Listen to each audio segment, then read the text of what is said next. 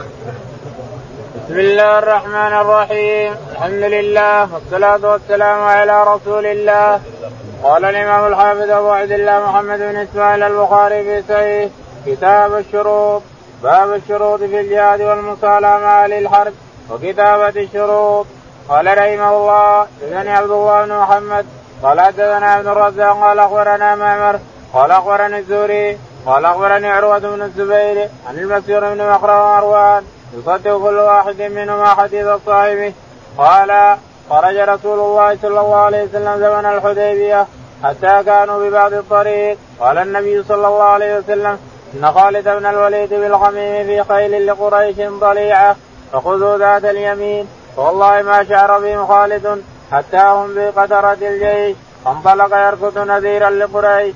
وشار النبي صلى الله عليه وسلم حتى إذا كان في الثنيه التي يبض عليهم منها بركت به راحلته.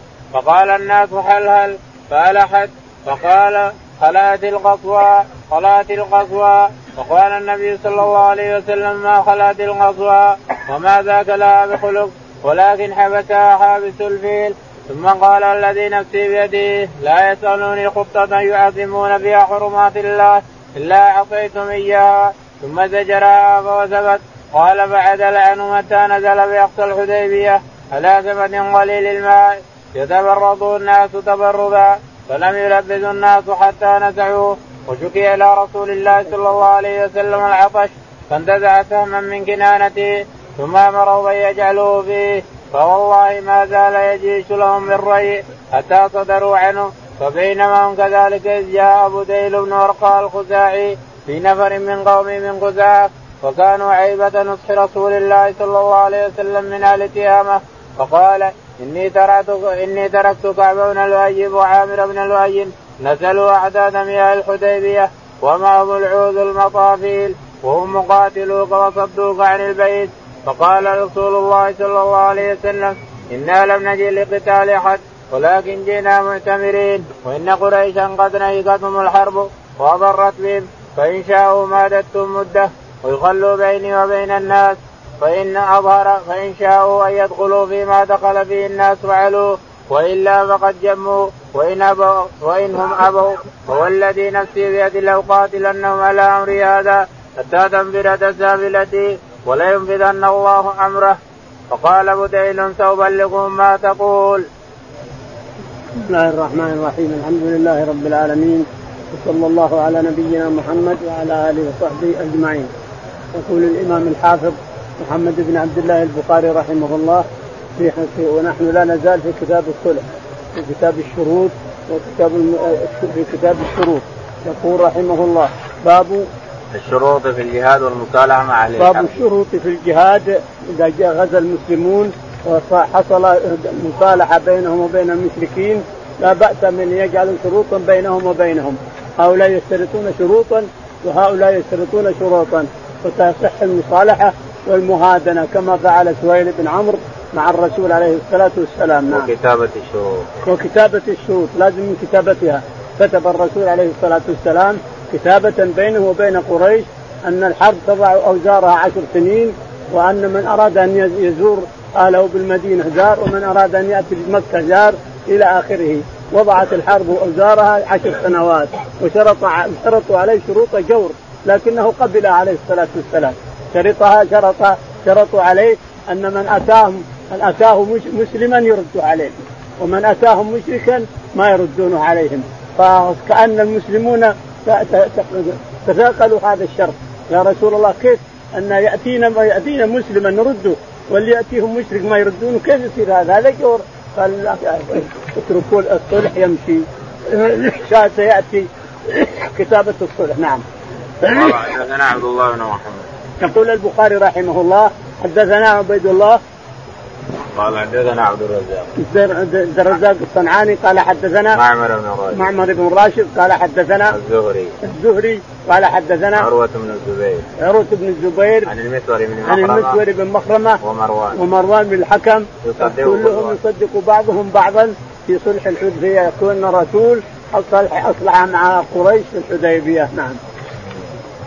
قال خرج رسول الله صلى الله قال خرج رسول الله صلى الله عليه وسلم زمن الحديبية حتى كانوا بعد الطريق قال النبي صلى الله عليه وسلم إن خالد بن الوليد بالغميم في سيل لقريش. يقول الاثنين إن الرسول عليه الصلاة والسلام خرج من المدينة معتمرا ما خرج يقاتل خرج معتمر ومعه المسلمون كافة المهاجرون والانصار فلما استثنى في البطحة أو في البر قال إن خالد بن الوليد على الساحل هنا يتجسس الأخبار ومعه رفقة من الخير فاتى الرسول عليه الصلاة والسلام على الطريق الذي في خالد بن ما وعى خالد إلا الجيش فوق رأسه. الجيش جيش الرسول عليه الصلاة والسلام والجيش فوق رأسه. فهرب جاء منذرا لقريش. جاءكم محمد جاءكم محمد. هم علموا أن الرسول خرج لكن ما يدرون خرج إلى فين ولم يتياسر ولا إلى الطريق اللي سلكه. فلما رآه خالد بن الوليد مع الخيل اللي معه هربوا إلى قريش وأنذروهم أن محمد جاء. فقامت قريش فقامت قيامتها. جاءت كنانة بخيلها وجاءت خزاعة بخيلها. معهم العود المطافيل العود المطافيل النوق العود هي التي ولدت مولود. الآن ولدت مولود. ناقة ولدت مولودها. والمطافيل التي ولدت العام. ما هي خلفة. فأخرجوها لأجل يحلبون ويشربون. يشربون منها علشان يتقوتون. ما معهم ذهب ولا طلعوا بذهب قالوا خرجوا بالعود المطافيل يعني النياز هذه الناقة تسمى عود لانها ولدت ولدت فصيل قليل ولدت جديد جديد فهي تحلب وتشرب ويشرب معها ولبنها. وهذه مثلا معها واد من العام فهي تسمى خلفه فيحلفونها ويشربون. هذا جاءه النذير قال يا رسول الله خرجوا القبيلتين معهم العود المطافين. يعني يبغوا يقتلونك فقال نستعين بالله تعالى وتقدس. نعم. قال وسألتك عن البيت وقال إنا لم نجي لقتال أحد ولكن جئنا خرجوا معهم العود المطافيل يعني إنهم يشربون بقتلونك. فقال إنا لم نأتي لقتال. إنما جئنا لتعظيم هذا البيت معتمرين ولا جئنا لقتال. نعم. آه، وإن قريشا قد نهيتهم الحرب وإن قريشا قد نهيتهم الحرب. أفنتهم الحرب قتلتهم وأكثرهم الحرب. أفنتهم الحرب. تركوني أنا والناس فإن أظهر على الناس فهو عز لهم وشرف. وين يقتلوني يستريحون فأحسن لهم هذا. فذا جاء فرجع بدير بن ورقة الخزاعي وأخبر قريش بما قال الرسول عليه الصلاة والسلام. فقال قال إنا قد جئناكم من هذا الرجل وسمعناه يقول قولا فإن شئتم أن نعرضه عليكم فعلنا فقال سفاهم لا حاجة لنا أن تخبرنا عنه بشيء. وقال له الرأي منهم هات ما سمعته يقول. قال سمعته يقول كذا وكذا. فحدثهم بما قال النبي صلى الله عليه وسلم. فقام عروة بن مسعود فقال أي قوم ألستم بالوالد؟ قالوا بلى. قال ولست بالولد؟ قالوا بلى. قال فهل لا تتيموا مني؟ قالوا لا. قال ألستم تعلمون أني استنفرت أهل عكاز؟ فلما بل فلما بلحوا على علي جئتكم بأهلي وولدي ومن أطغاني قالوا بلى. قال فإن هذا قد عرض لكم خطة رشد اقبلوها ودعوني آتيه قالوا اتيه فأتاه فجعل يكلم النبي صلى الله عليه وسلم. فقال النبي صلى الله عليه وسلم نهوا من قوله لبديل. فقال عروة عند ذلك أي محمد؟ أرأيت إن استأصلت أمر قومك هل سمعت بأحد من العرب احتاج له قبلك؟ وإن تكن الأخرى فإني والله لا أرى وجوها وإني لا أرى أشوابا من الناس خليقا أن يفروا ويدعوك فقال له أبو بكر رضي الله عنه امسس امسس ببدر ببدر الله أنحن نفر عنه وندعو فقال من ذا؟ قالوا أبو بكر. قال ما والذي أما والذي نفسي بيدي لولا يد كانت لك عندي. ألم أجدك بهذا؟ لأجبتك قال وجعل يكلم النبي صلى الله عليه وسلم كلما تكلم أخذ بلحيته. والمغيرة بن شعبة رضي الله عنه قائم على رأس النبي صلى الله عليه وسلم ومعه السيف عليه المغفر فكلما أهوى عروة بيده إلى لحية النبي صلى الله عليه وسلم ضرب يده بنعل السيف وقال لو أخر يدك لحية رسول الله صلى الله عليه وسلم. فرفع عروة رأسه فقال من هذا؟ قالوا المغيرة بن شعبة فقال إي قدر لست اسعى في قدر في قدرتك؟ وكان المغيرة صحب قوما في الجاهلية فقتلهم واخذ اموالهم ثم جاء فأسلم. فقال النبي صلى الله عليه وسلم الإسلام فأقبل وأما المال فلست منه في شيء. ثم إن عروة جعل يرمق أصحاب النبي صلى الله عليه وسلم بعينيه. قال فوالله ما تنخم رسول الله صلى الله عليه وسلم نخامه إلا وقد في كف رجل منهم. فدلك فيها وجهه وجلده وإذا امرهم ابتدروا أمره وإذا تودى كادوا يقتتلون على وضوءه وإذا تكلم خفضوا أصواتهم عنده وما يحدون إليه النظر تعظيما له. فرجع عروة إلى أصحابه فقال إيكم والله لقد وفدت على الملوك وفدت على قيصر وكسرى والنجاشي والله إن رأيت والله ان رأيت ملكا قط يعظم اصحابه ما يعظم اصحاب محمد صلى الله عليه وسلم محمدا. والله إن تنخب نخامه إلا وقد في كف رجل منهم فدلك بها وجهه وجلده. وإذا أمرهم بأمر ابتدروا أمره. وإذا تودى كادوا يقتتلون على وضوئه. وإذا تكلم خفضوا أصواتهم عنده. وما يحدون إليه النذر تعظيما له. وإنه قد عرض عليكم خطة رشد فاقبلوها. يقول البخاري رحمه الله حدثنا. قال فانطلق حتى أتى قريشا قال إنا كنا جئناكم من هذا الرجل والسمين. قال فانطلق حتى بديل الخزاعي. انطلق حتى أتى قريش وقال لهم إني أتين ان أتيناكم من هذا الرجل وقد عرض لكم خطه قال ترغبون أن نعرضها عليكم؟ فقال السفهاء ما نريدها لا تعرضون علينا. وقال العقل منهم بل اعرضها علينا وتكلم. فأخبرهم بقول الرسول عليه الصلاة والسلام أننا لم نأتي لقتال وإنما جئنا لتعظيم هذا البيت معتمرين ولا نريد القتال بيننا وبين قريش. ولا نريد قريش ما لها ولا الحرب قد انهت الحرب.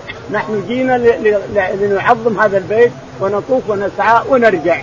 ما نتكلم ما نقاتلهم ولا نتعرضهم بسوء. قالوا وقال أبو ذيل بن ورقة ألست والدكم؟ ألست والد لكم يا قريش؟ عروة بن مسعود ها؟ عروة بن مسعود عروة بن مسعود ألست الوالد؟ قالوا بلى قال أنتم الولد؟ قالوا بلى قال لست هربت من كذا وكذا وجئت فهل لا تتهموني؟ نعم فهل لا تتهموني؟ فهل لا إيش؟ تتهموني هل تتهموني؟ قالوا لا ما نتهمك قال هربت من كذا وكذا وجئت إليكم قالوا بلى قال خلوني دعوني أذهب إلى هذا الرجل قال اذهب اتهم فأتى عروة بن بن مسعود إلى النبي عليه الصلاة والسلام وصار يخاطبه وصار يرد يكلمه بما كلم به بديل بن ورقة رضي الله عنه. وصار عروة بن مسعود يكلم الرسول عليه الصلاة والسلام والرسول يرد عليه بمثل ما قال لبديل بن ورقة الخزاعي. حتى أنه قال يا إني أرى أناسا معك أرى أنك أنهم لو يقاتلوك قريش قريش خرجوا بالمطافين فلو قاتلوك هربوا من عندك. فقال ابو بكر الصديق رضي الله عنه امصص بذر أمك يعني امصص فرج فرج أمك امصص فرج اخر اخر اخر خزي واخر هزه واخر هزه لابي بكر لعروه قال نحن نفر امصص صدر أمك ما نظن قال من هذا؟ قال ابو بكر الصديق قال والله لولا يد كانت لي لك عندي لرددت عليك ثم جعل يلمس لحيه الرسول وهو يكلمه يلمس والعروة مغيرة بن شعبة معه السيف بجفيره وواقف على رأس الرسول فكلما أهوى يلمس ضربه بجفير السيف خبط درسه بالسيف. فقال من هذا؟ قالوا هذا المغيرة بن شعبة. يقول له اكف يدك عن لحية الرسول. فقالوا هذا المغيرة بن شعبة. قال أنا إلى الآن في غترتك قتلت الناس وخليت الدية علي. إلى الآن نسبت في غترتك ما الذي حصل عندك يا مغيرة؟ يقول البخاري وكان المغيرة بن شعبة قد صحب ناسا ثم قتلهم وأخذ ما معهم من الأموال ثم هرب إلى المدينة وأسلم. فقال الرسول عليه الصلاة والسلام اما الإسلام فأقبله وأما المال فلا شأن لي به المال عطوه له على أهله. وأما الإسلام أقبل أنك أسلمت أسلمت خلاص. لكن المال لا ما لا تعني به فالشاهد أن المغيره بن شعبة كان يرد يد عروة بن مسعود. ثم إن عروة جعل يرمق أصحاب النبي صلى الله عليه وسلم. ثم ان عروة بن مسعود جعل يرمق أصحاب النبي عليه الصلاة والسلام وينظر إلى أفعالهم مع الرسول عليه الصلاة والسلام وتعظيمهم لصفوه الخلق. تعظيمهم له عليه الصلاة والسلام. و و و وكان عليه الصلاة والسلام وصل إلى الحديبية وفيها ماء يبض بضيضا يبص بسيط قليل قليل. فشكوا إلى الرسول إنه انتهى الماء فأعطاهم سهم من كنانته ووضعوه في جاش صار صار بحر. صار بحر متراكم حتى رووا رووا أنفسهم ورووا الخيل ورووا الجيش ورووا كل شيء. الشاهد لما جاء القصة آخر القصة العروة بن مسعود ذهب إلى قريش وأخبرهم بما كان الصحابة يفعلون مع الرسول عليه الصلاة والسلام. قال والله يا جماعة وفدت على كسرى وفدت على قيصر وفدت على النجاشي. هذه الملوك كلها ما رأيت مثل أصحاب محمد تعظيما له. ما تنخم إلا وقعت في يد واحدة لكهب وجهه ولا يتكلم إلا خفضوا له ولا يأمر إلا ابتدروا أمره يسابقون ولا يتحرك ولا يتوضأ إلا أخذوا وضوءه ويتبركون به إلى آخره. فأرى أن تصلحوا معه ولا تقاتلوه ولا تسألوا أو تتركوه يطوف ويسعى ويرجع. قالوا لا. قام ثالث نعم. فقال رجل من من بني كنانة دعوني آتي. فقالوا اتي فلما أشرف على النبي صلى الله عليه وسلم أصحابه قال رسول الله صلى الله عليه وسلم هذا فلان وهو من قوم يعزمون البدن فبعثوها له فبعثوها له فبعثت له واستقبله الناس يلبون. فلما رأى ذلك قال سبحان الله ما ينبغي لهؤلاء أن يصدوا عن البيت. فلما رجع إلى اصحابه قال رأيت البدن قد قلدت وشعرت فما رأى فما أرى أن يصدوا عن البيت. فقام رجل منهم يقال له مكرس بن حس فقال دعوني آتي فقال آتي. فلما اشرف عليهم قال النبي صلى الله عليه وسلم هذا مكرس وهو رجل فاجر. فجعل يكلم النبي صلى الله عليه وسلم فبينما هو يكلمه إذ جاءه سهيل بن عمرو. قال عمرو قال معمر فأخبرني أيوب عن أنه لما جاء سهيل بن عمرو قال النبي صلى الله عليه وسلم لقد سهل لكم من أمركم. قال معمر قال الزهري في حديثه؟ فجاء سهيل بن عمرو فقال هات اكتب بيننا وبينكم كتابا. فدعا النبي صلى الله عليه وسلم الكاتب فقال النبي صلى الله عليه وسلم بسم الله الرحمن الرحيم. قال سهيل أما الرحمن فوالله ما أدري ما هو ولكن اكتب باسمك اللهم كما كنت تكتب. فقال المسلمون والله لا نكتبها إلا بسم الله الرحمن الرحيم. فقال النبي صلى الله عليه وسلم اكتب باسمك اللهم. ثم قال هذا. يقول البخاري رحمه الله. فقام رجل من بني كنانة دعوني آتي. فقام رجل من بني كنانة دعوني قالوا ائته فلما جاء وأشرف على الرسول عليه الصلاة والسلام قال لهم ارسلوا البدن مقلدة بالمدس والحبال ومقلدة بالجلود القديمة ومشعرة فتركوها تمشي. فتمشي إلى بيت الحرام. فلما رآها ما وصل للرسول رجع. رجع تعظيما للحرمات تعظيما للبدن وتعظيما للشعائر التي رأى. فرجع قبل أن يصل الرسول عليه الصلاة والسلام وقال ما ينبغي لهؤلاء أن يصدوا؟ وناس معهم البدن. يريدون بيت الله يريدون الطواف. ما ينبغي لهؤلاء أن يصدوا معهم البدن مقلدينها. ولا يريدون القتال ولا يريدون. فقال لهم فقال آه، وجاء رجل فقام رجل منهم يقال له مكرز. فقال رجل قال له مكرز. وكان يقول رجل فاجر. كل الرسول عليه الصلاة فلما أشرف عليه قال هذا رجل ماكر فاجر. لكن أتى الله في سهيل بن عمرو بعد هذا. فجاء فقالوا هذا سهيل بن عمرو قال الحمد لله سهل الله لكم من امركم سهيل سهل الله الأمر. يتفاعل عليه الصلاة والسلام بالاسم الحسن. كل ما سمع اسم حسنا يتفاعل به. فقال سهل الله لكم أمركم. فجاء سهيل بن عمرو وهو كما قال الرسول رجل عاقل ورجل سهل ورجل يحب الصلح يحب المداهنه يحب الصلح. فجلس إلى الرسول عليه الصلاة والسلام وقال اكتب بيننا لما انتهى التفاهم بينه وبين الرسول وأن الحرب تضع أوزارها عشر سنوات وأن من أتاك منا ترجعه إلينا ومن اتانا منك ما نرجعه وأن كذا وأن كذا إلى آخره كأن المسلمون مرضوا بهذا ولكن حتى عمر قال يا أبا بكر يا رسول الله لماذا نعقد الدنيه في ديننا؟ قال له أبو بكر أمسك غرزه فإنه رسول الله. وأبو بكر رضي الله عنه ساكت حتى تكلم عمر فحتى عمر لأن عمر شديد. وقال كيف اننا نرضى بمثل هذا الصلح؟ هذا الصلح دور. كيف نرضى ونعطي الدنيه في ديننا؟ ونحن المسلمون وهم كفار. نحن المسلمون والاسلام يعلو ولا يعلى عليه. قال امسك غرزه. الشاهد إنه لما حصلت المداهنة وحصلت الموافقة وحصل الاتفاق كتبوا بينهم كتاب بسم بسم, بسم الله الرحمن الرحيم. قال ما نعرف الرحمن. اكتب باسمك اللهم. فمسحوا الرحمن وكتبوا باسمك اللهم. ثم قال هذا ما صلى عليه محمد رسول الله. قال ما لو نعلم انك رسول ما قاتلناك امسح, امسح الرسول. فمسح الرسول كما مرنا في الليلة الماضية. وكتب بسم الله. هذا ما صالح محمد بن عبد الله بن عبد المطلب قريشا. صالح سهيل بن عمرو. هذا مندوب لقريش. والرسول عليه الصلاة والسلام يتكلم معه ويبحث معه. فصالحوا واشترط شروطا كثيرة. منها أن الحرب تضع أوزارها ومنها أن لا يرد إذا جاءنا أحد وأنتم تردونه ومنها ومنها إلى آخره. فتم الصلح وانتهى الصلح بين الرسول عليه الصلاة والسلام ورجع الرسول عليه الصلاة والسلام كما سيأتي. قال للصحابة انحروا بدنكم يا أيها الناس واحلقوا رؤوسكم. فرفض الصحابة رضي الله عنهم. قال ما يمكن أن نحلق رؤوسنا ولا يمكن اننا ننحر بدنا ونحن ما وصلنا البيت، كيف يصير هذا؟ يعني غريب عليهم أنه تنحر البدن ما وصلوا البيت وأنهم يحلقون رؤوسهم، فدخل على ام سلمة رضي الله عنها، انظر العقل الكبير رضي الله عنها وارضاها، أم سلمة هند بنت أبي أمية قالت فلما دخل عليه مغضبا قالت ما لك يا رسول الله؟ قال آمر بالأمر ولا يطاع، قال ما هو؟ قالت ما هو؟ قال أمرهم بالحلق والتزميت قالت لا تأمر أحد يا رسول الله لا تأمر أحد. اخرج ودع ابا طيبه حالقك احلق رأسك وانحر بيدك ولا لك شغل بهم. انظر ما تقاتلوا عليه. رضي الله عنه وأرضاه. شوف العقل الكبير. خرج عليه الصلاة والسلام ولم يكلم أحد ودعا بأبي طيبة وصار يحلق رأسه. فكاد المسلمون يقتتلون كاد المسلمون لما رأوه حلق رأسه. فوصل الجد خلاص.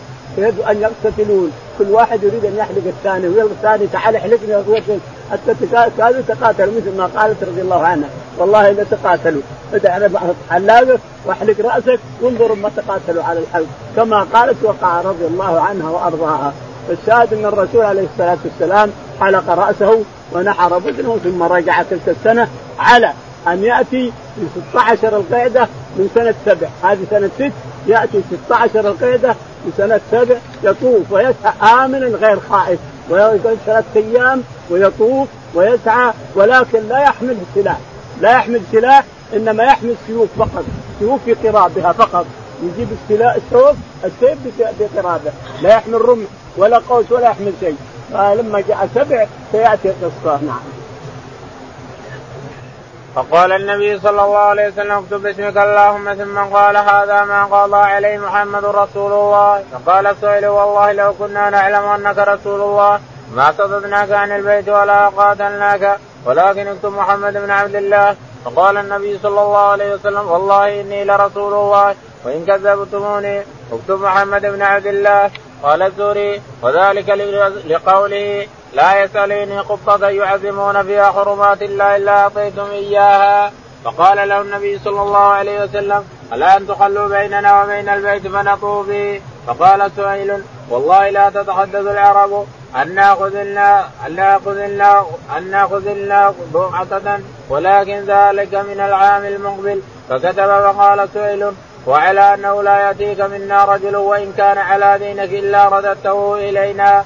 قال المسلمون سبحان الله كيف يرد للمشركين؟ وقد جاء مسلما فبينما هم كذلك إذ دخل أبو جندل أبو جندل بن سهيل بن عمرو يرصف في قيوده وقد خرج من اسفل مكه حتى رمى بنفسه بين اظهر المسلمين. فقال سهيل هذا يا محمد أول ما أقاضيك عليه. أن ترده إليه. فقال النبي صلى الله عليه وسلم الا لم نقضي الكتاب بعد. قال فوالله إذا لم أصالحك على شيء أبدا. إذا لم أصالحك على شيء أبدا. قال النبي صلى الله عليه وسلم فاجز لي. قال ما أنا بمجيزي لك. قال بلى. فافعل. قال ما أنا بفاعل. قال مقرز بل قد أجزناه لك. قال أبو جندل. أي معشر المسلمين اورد إلى المشركين. وقد جئت مسلما لا ترون ما قد لقيت. وكان قد عذب عذابا شديدا بالله قال فقال عمر بن الخطاب رضي الله عنه فاتيت نبي الله صلى الله عليه وسلم فقلت ألست نبي الله حقا؟ قال بلى. قلت ألسنا على الحق وعدونا على الباطل.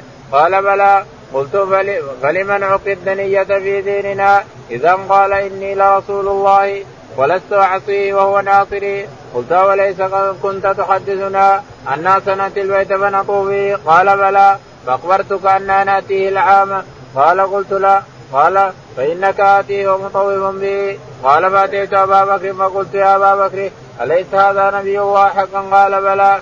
قلت ألسنا على الحق وعدونا على الباطل؟ قال بلى. قلت فلمن اعطي الدنية في ديننا؟ إذا قال أيها الرجل إنه لرسول الله صلى الله عليه وسلم وليس يعصي ربه وناصره فاستمسك بقرضه فوالله إنه على الحق. قلت أليس كان يحدثنا الناس ناتي البيت ونطوفه قال بلى. أفأخبرك أنك تأتي العام؟ قلت لا. قال فإنك اتيه ومطوف به. قال الزهري. قال عمرت قال عمر. فعملت لذلك أعمالا. قال فلما بلغ من قضية الكتاب قال رسول الله صلى الله عليه وسلم قوموا لأصحابي فارحلوا ثم احلقوا قال فوالله ما قام منهم رجل حتى قال ذلك ثلاث مرات. فلما لم يقم منه أحد دخل على أم سلمة فذكر لها ما لقي من الناس. فقالت أم سلمة يا نبي الله أتحب ذلك؟ اخرج ثم لا تكلم أحدا منهم كلمة حتى تنهر بدنك وتدعو حالك فيحلقك. يقول البخاري رحمه الله حدثنا آه قال سهيل بسمك اللهم قال سهيل لما جاء الكتابة قال سهيل بن عمرو قال الكاتب وهو علي رضي الله عنه. بسمك الله بسم الله الرحمن قال لا ما نعرف الرحمن. اكتب باسمك اللهم. فقال محوها وكتب باسمك اللهم. ثم قال هذا ما صلى عليه محمد رسول الله. قال لولا انك رسول ما قاتلناك اكتب بسم الله بسم الله باسمك اللهم. محمد بن عبد محمد بن عبد الله بن عبد المطلب. فكتب محمد هذا ما صالح عليه محمد بن عبد الله بن المطلب سهيل بن عمرو فكتبوا أن تضع الحرب وزار عشر سنين وأن يردوا من أتاهم مسلما ولا يردوا من اتاهم مشركا مسلما ويرد هو من أتاه مشركا إلى آخره. وبهذه الكتابة جاء أبو أبو جندل يركب في قيوده ولد سهيل بن عمرو فقال هذا هو أول ما ترد علينا. فقال أجده لنا إحنا ما انتهينا من الكتابة إلى الآن. قال والله ما صالح على شيء. فقال أجده لي قال لا قال أعطني إياه قال لا. قال هبه لي لا. قال يا ابا جندل إن الله سيجعل لك مخرجا ومخرجا. فذا خرج أبو جندل وخرج أبو بصير كما سيأتي إلى السيف وكونوا شباب قريش الذين أسلموا ومعهم السيوف فصاروا لا تأتي قافلة من قريش من الشام إلا أخذوها. اقتلوا الرجال يأخذون الأموال. وكتبت قريش ضمهم إليك ضمهم إليك. خلاص لأنهم قطعوا القوافل على قريش فصاروا نقمة على قريش. الجماعة الذي كان قريش تقول ردوهم علينا قال لا ما نردهم ردهم خذهم اليك خذهم. صاروا نقمة ما تجي قافلة من الشام إلى مكة إلا أخذوها وقتلوا الرجال وأخذوا الأموال. فالشاهد سيأتي قصة أبو بصير رضي الله عنه. أما أبو جندل فهو رده الرسول عليهم ولكنه هرب وذهب إلى الساحل مع أبي بصير كما سيأتي معنا. ثم جاءوا نسوة مؤمنات فأنزل الله تعالى يا أيها الذين آمنوا إذا جاءكم المؤمنات مهاجرات فامتحنون حتى بلغ بعصم الكوافر فطلق عمر رضي الله عنه يومئذ امرأتين كانتا له في الشرك فتزوج إحداهم معاوية بن أبي سفيان والأخرى صفوان بن أمية ثم رجع النبي صلى الله عليه وسلم إلى المدينة فجاءه أبو بصير رجل من قريش وهو مسلم فأرسلوا في طلب رجلين فقالوا العهد الذي جعلت لنا. فدفعوا إلى الرجلين فخرجا به حتى بلغ هذا الحليفة. فنزلوا يأكلون من تمر لهم. فقال أبو بصير لأحد الرجلين والله إني لا ارى سيفك هذا يا فلان جيدا. فسله الآخر. فقال أجل والله إنه لجيد. لقد جربت به ثم جربت فقال أبو بصير ارني أنظر إليه. فأمكنه منه فضربه حتى برد وفر الآخر حتى أتى المدينة فدخل المسجد يعدو. فقال رسول الله صلى الله عليه وسلم حين راه لقد رأى هذا ذعرا. فلما انتهى إلى النبي صلى الله عليه وسلم قال قتل والله صاحبي وإني لمقتول. فجاء أبو بصير فقال يا نبي الله قد والله أوفى الله ذمتك قد رددتني إليهم ثم أنجاني الله منهم. قال النبي صلى الله عليه وسلم ويل من مسار حرب لو كان له أحد فلما سمع ذلك عرف أنه سيرد اليهم فخرج حتى أتى سيف البحر. قال وينفلت منه أبو جندل بن سهيل فلحق بأبي بصير. فجعل لا يخرج من قريش رجل قد اسلم إلا لحق إلا لحق بأبي بصير. حتى اجتمعت منهم اصابه والله ما يسمعون بعيرا خرجت لقريش إلى الشام إلا ترضوا له فقتلوه وأخذوا أموالهم. فأرسلت قريش إلى النبي صلى الله عليه وسلم تناشده بالله والرحم. لما أرسل فمن أتاه فهو آمن وارسل النبي صلى الله عليه وسلم إليهم فأنزل الله قوله تعالى وهو الذي كف أيديهم عنكم وأيديهم عنكم عنهم ببطن مكة من بعد أن اصبركم عليهم حتى بلغ الحمية حمية الجاهلية وكانت حميه أنهم لم يقروا أنه نبي الله ولم يقروا بسم الله الرحمن الرحيم وحالوا بينه وبين البيت. يقول البخاري رحمه الله ثم جاءه نسوة فجاء نسوة من إلى النبي عليه السلام مشركات. مسلمات. مسلمات. فكان يمتحنهن لأن الله أنزل. إذا جاء المؤمنات يمتحنهن. الله أعلم بإيمانهن. فيمتحنهن بالإسلام ويشترط عليهن ومن كانت مسلمة أقرها. ثم أرسل بعض المشركات. فعمر عنده ثنتين مشركات طلقها. لأن ربنا تعالى قال ولا تمسكوا بعصم الكوافر فطلق امرأتين عمر رضي الله عنه وتزوج واحدة معاوية بن أبي سفيان والثانية صفوان بن أمية وهو الصحيح. وإن كان سيأتي أنه تزوجها أبو جهل لكن الصحيح أن يتزوجها صفوان من أوج واحدة وتزوج معاوية بن أبي سفيان واحدة. نساء عمر بن الخطاب لما أقرت إلا إلا كافرة. طلقها وتزوجها كذا وقال نعم. ثم رجع النبي صلى الله عليه وسلم إلى المدينة فجاءه أبو وصير ثم رجع النبي عليه الصلاة والسلام بعدما دخل على ام سلمه وحصل ما حصل وحلق رأسه ونحر بدنه وحل من عمرته جلسوا يأكلون التمر. فقال لواحد منهم يا فلان سيفك هذا؟ زين وحديد وجيد وكذا وكذا. قال إيه هذا سيفي جربته وفعلته فعلت قال وريني أعطاه إياه السيف قال السيف خبط رأسه ذهب رأسه من الكورة. فجاء الثاني هرب الثاني إلى المدينة.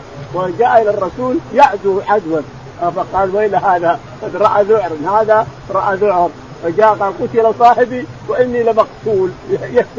يهتز من الخوف فجاء أبو بصير معه مجنون قال ويل أمه مسعر حرب.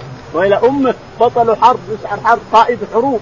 ويل أمه. فعرف أبو بصير أن الرسول سيرده ما دام قال ويل أمه مسعر حرب يعني بطل حرب فعرف أنه سيرده فخرج إلى السيف وجلس في السيف. فلا يسمع مسلم شباب من شباب قريش البوصير بالسيف إلا خرجوا إليه. أبو جندل وشباب من المسلمين وتجمع رفقة كبيرة معهم السيوف. لا يمر قافله من قريش إلا طردوه قتلوه وأخذوا الأموال. وإن جاء قتلوه أخذوا الأموال. وما جاء حتى ملك قريش وضجت قالوا يا محمد خذهم عندك خذهم عندك بس خذهم خذهم خذهم ولا ينتقد العهد. العدو وهو بس خذهم عندك ولا لأنهم اهلكوا أهلكوا أموالنا. قال إن أهلكوا جوع يأخذون الأموال ويقتلون الرجال. فأخذهم الرسول عليه الصلاة والسلام كما سيأتي. والشاهد أن أبو بصير لما ذهب إلى السيف اجتمع عليه شباب قريش. نعم. فأنزل الله وهو الذي كف أيديهم. هذه الآية نزلت مرتين، مرة في ناس نزلوا من من التنعيم على الرسول عليه الصلاة والسلام مسلحين ثمانين من شباب قريش. نزلوا على الرسول من حديبية مسلحين فقبضهم المسلمون وأخذوا ما معهم من السلاح وأرسلهم الرسول. قال إني لم اتي بقتال خذوا أبناءكم الشباب هذا. وأنزل الله في هذا قوله تعالى هو الذي كف أيديهم أنزلها بهؤلاء وأنزلها بهؤلاء والذي كف ذكرها في سوره في تفسير سورة الفتح. في سورة الفتح ذكرها. هو الذي كف أيديهم عنكم وأيديكم عنكم ببطن مكة من بعد أن أظهركم عليهم مسكتون مسك اليد. من بعد أن أظهركم 80 ولد 80 شباب معهم السيوف. مسكهم الصحابة مسك اليد وأخذوا السيوف منهم وارسلوهم إلى قريش. نزلت هناك ونزلت هنا نعم حتى بلغ أهمية الجاهلية وكان والذي كف أيديهم عنكم وأيديكم من بطن مكة من بعد أن أنكركم عليهم نعم حمية الجاهلية إلى آخره نعم وكانت حميتهم أنهم لم يقروا أنه نبي الله. وكانت حميتهم أنهم لم يقروا بنبوته عليه الصلاة والسلام وأنهم لم يعترفوا بالرحمن الرحيم، نعم. وحالوا بينهم وبين البيت. وحالوا بينهم وبين البيت وهو جاي للعمرة ما جاء له قتال عليه الصلاة والسلام، نعم. وقال عقيل عن الزهري قال عروة أخبرتني عائشة رضي الله عنها أن رسول الله صلى الله عليه وسلم كان يمتحنون وبلغنا أنه لما أنزل الله تعالى أن يردوا إلى المشركين ما أنفقوا على من هاجر من أزواجهم وحكم على المشركين مسلمين الا يمسكوا بعصم الكوافر إن عمر طلق امرأتين قريبه بنت أبي أمية وابنة جرول الخزاعي فتزوج قريبه معاوية وتزوج الأخرى أبو جهم. فلما أبى الكفار أن يقروا بأداء ما أنفق المسلمون على أزواجهم أنزل الله وإن فاتكم شيء من أزواجكم إلى الكفار فعاقبتم والعفو ما يؤدي المسلمون إلى من هاجرت امراته من الكفار. فأمر أن يعطى من ذهب له زوج من المسلمين. ما انفق من صداق نساء الكفار الا هاجرن وما نعلم أحدا من المهاجرات ارتدت بعد إيمانها. وبلغنا ان أبا بصير بن أسيد الثقفي قدم على النبي صلى الله عليه وسلم مؤمنا مهاجرا في المدة. فكتب الاخنس بن شيخ إلى النبي صلى الله عليه وسلم يسأله أبا بصير فذكر الحديث. يقول وقال عقيل الزهري. وقال عقيل عن الزهري قال عن عروه عن عائشة. عن عروة عن عائشة رضي الله عنها قالت إن الرسول عليه الصلاة والسلام كان يمتحن. كان يمتحن النساء بيبايعهن بأن لا يشركن بالله شيئا ولا يزين ولا يقتلن أولادهن ولا يكتمن ما خلق الله في أرحامهن. الآية التي في سورة الممتحنة وأنه يكلمونها كلاما ولم يمس يدا يد ما مست يده يد امرأة إنما يبايعهن كلاما. وبعد ذلك قال الله لهم ما آتاكم من المشركات مسلمات امتحنوهن وما ذهب من أزواجكم من الكفار فأعطوه نفقتهم. أعطوه نفقة صداقة صدق على امرأته دفع لامراته الصداق يعطى إياه. وصار الرسول عليه الصلاة والسلام من أتت مسلمة يزوجها اللي ذهبت زوجته كافرة. ويعطي الصداق من عنده عليه الصلاة والسلام.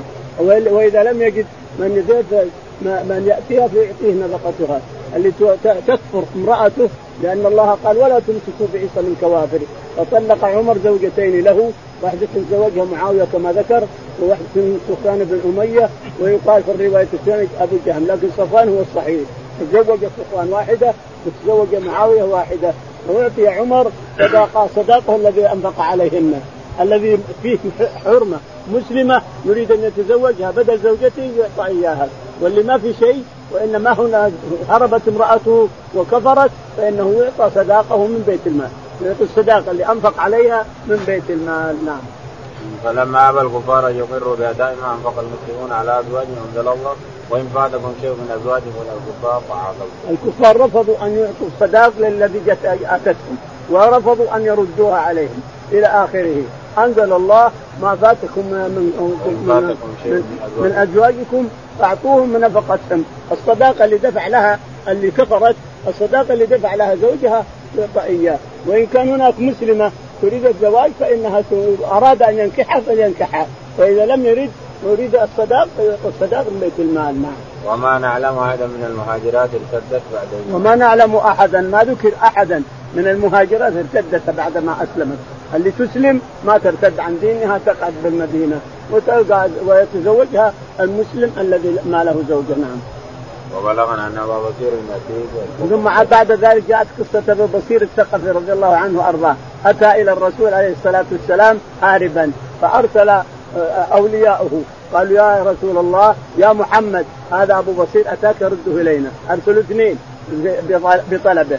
فلما وصل الإثنان كما مر قصته وصل الإثنان إلى الرسول عليه الصلاة والسلام قال يا أبا بصير إن قد عاهدنا القوم ولا يمكن أن نكون عهدنا فاذهب معهم. فرجع معهم ولما وصلوا ذي الحليفة كما ذكر البخاري وقعدوا يكونون تمرا. فلما جلسوا قال لي واحد منهم أعطني سيفك يا فلان سيفك هذا جيد وسيفك هذا حلو أعطني أشوفه. فأراه اياه بشوفه فسله وحذف رأسه. الثاني هرب إلى الرسول عليه الصلاة والسلام وقال ويل هذا لقد رأى ذعرا هذا الذي جاء لقد ذاه من الباب لما رآه الرسول قال هذا قد رأى ذعرا فجاء أبو بصير معه السيف مسدود قال ويل أمه مسعر حرب. قائد حرب وقائد جيوش. ويل أمه مسعر حرب وقائد جيوش. فلما سمع أبو بصير هذه الكلمة عرف أن الرسول سيردها عليهم. فذهب إلى السيف كما مر. ذهب إلى سيف البحر وجاءه أبو جندل وجاءه كل شباب المسلمين الذي أسلموا هربوا من هذا ولم يذهبوا إلى المدينة ذهبوا إلى السيف وصاروا يقطعون القافله على قريش. من أتى ما أتى من قوافل الشام فقتلوه وأخذوا الأموال معه إلى آخره. نعم. جاء كتاب الرسول عليه الصلاة والسلام لأبي بصير لما كتبت قريش للرسول عليه الصلاة والسلام ان ضمها إلى الفرقة، الفرقة ضمها إليك ولا ويصير ما لقد العهد، ضمها إليك، إحنا نأمرك أمر أن تأخذهم إليك، جاء كتاب الرسول عليه الصلاة والسلام لأبي بصير وهو يموت عليه الصلاة والسلام. وضع خطاب الرسول على صدره والموت في غرغرته.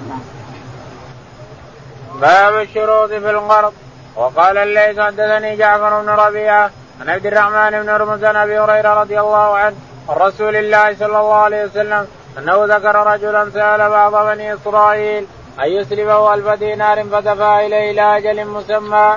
وقال ابن عمر رضي الله عنهما وعطى إذا أجله في القرض جاز. يقول البخاري رحمه الله باب القرض الشروط في القرض. الشروط في القرض. القرض يعني فلان أعطيني جزاك الله خير 1000 ريال أقرضني 1000 ريال. مرحبا هذه ألف ريال لكن اشترط عليك أن تأتي بها أن تأتيني بها بعد عشر أيام أو بعد شهر.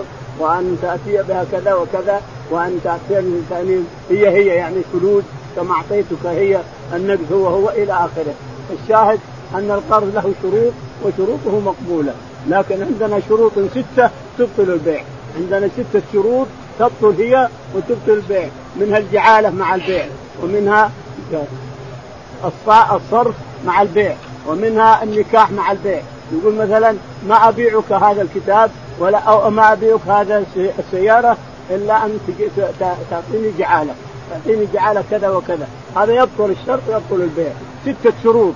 إذا اختلطت مع البيع بطل البيع وبطل على الشرط. ستة. تبطل البيع وتبطل هي بنفسها. منها الجعالة. الجعالة والصرف والمساقات والنكاح والشركة والقرض. والقرض هذه بين يدينا.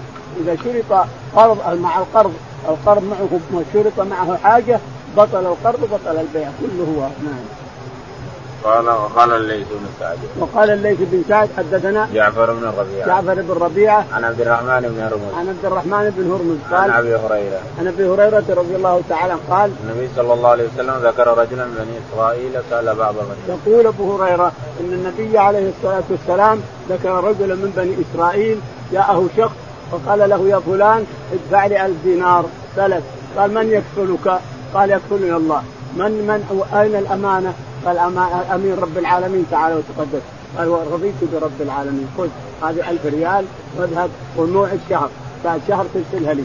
لما وصل الشهر أراد الإسرائيلي الذي أخذ السلف الألف دينار أراد أن يأخذ سفينة يرجع إلى الرجل يعطي حقه أعطاها ما وجد سفينة. لما لم يجد سفينة وجد قام وحطها في خشبة وشمر الخشبة ووضع معها صحيفة ثم رمى خشبة بالبحر. قال يا ربي أنت الكفيل هذا أرسلها. الرجل هذا الذي أعطاه ألف دينار يطلع كل صباح يشوف البحر هل يأتي سفينة؟ هل يأتي الرجل اللي أخذ الفلوس؟ ما هو عائل الخشبة؟ تموت في الأمواج تطفح في الأمواج تطفح في الأمواج لما دنت منه أخذها. قال خذها بها حطب لأهله. فلما فكها وجد ألف دينار ووجد الصحيفة معها إني لم أجد سفينة وإن هذا الدينار الدراهم في كفالة الله تعالى وتقدم.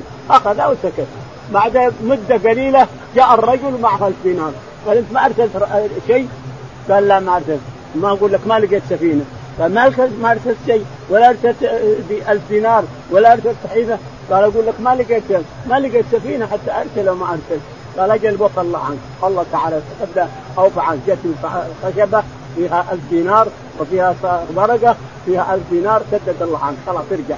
ارجع سدد الله عنك شوف الأمانة. هذاك أما أما الأمانة وهذا أمانة. يعني له ظالم أو جشع في المال فانسكت وأخذ الألف الثاني لكن قال لا ألفي اللي أعطتك أجتني وصلتني ولا يمكن آخذ غيرها. ما يمكن. يضرب المثل الرسول عليه الصلاة والسلام بأمانة الاثنين. قال ابن عمر وعطاء إذا أجله في القرض جاز. يقول ابن عمر وعطاء بن أبي رباح إذا أجله في القرض جاز. يعني إذا اقترض قال يا فلان أعطني ألف ريال إلى شهر لأني ما أستطيع أن فأجله جاز. أما القراض هذا شيء آخر. القراض سيأتي. أما القرض فهو كونك تستلف من من أخيك المسلم ألف ريال. يقول بعد عشرة أيام أردها عليك. هذا قرض. لكن القراض غير. القراض سيأتي وهو السلم. سيأتينا بباب مستقل نعم باب المكاتب. وما لا يحل من الشروط التي تخالف كتاب الله. وقال جابر بن عبد الله رضي الله عنهما في المكاتب شروط بينهم. وقال ابن عمر أو عمر كل شرط خالف كتاب الله فهو باطل. وان اشترط مئة شرط. وقال أبو عبد الله يقال عن كليهما. عن عمر وابن عمر. يقول البخاري رحمه الله باب الشروط في المكاتبة، المكاتبة رجل عبد مملوك قال يا فلان أنا مملوك لك لكني بشتري نفسي منك. أنا مملوك لك لكن بشتري نفسي لك. هل ترضى؟ فيرضى ويكاتبه.